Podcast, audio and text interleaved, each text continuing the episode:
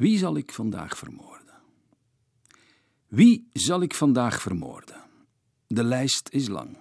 Het eerste meisje bij wie ik een blauwtje liep, haar in de gouden wurgen met haar string. De wiskundeleraar. Hij liet me zakken om een axioma dat niet eens bestond. Hem de formules in zijn mond proppen.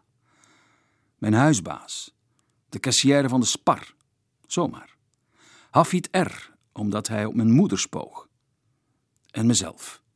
Voor alle keren dat ik loog.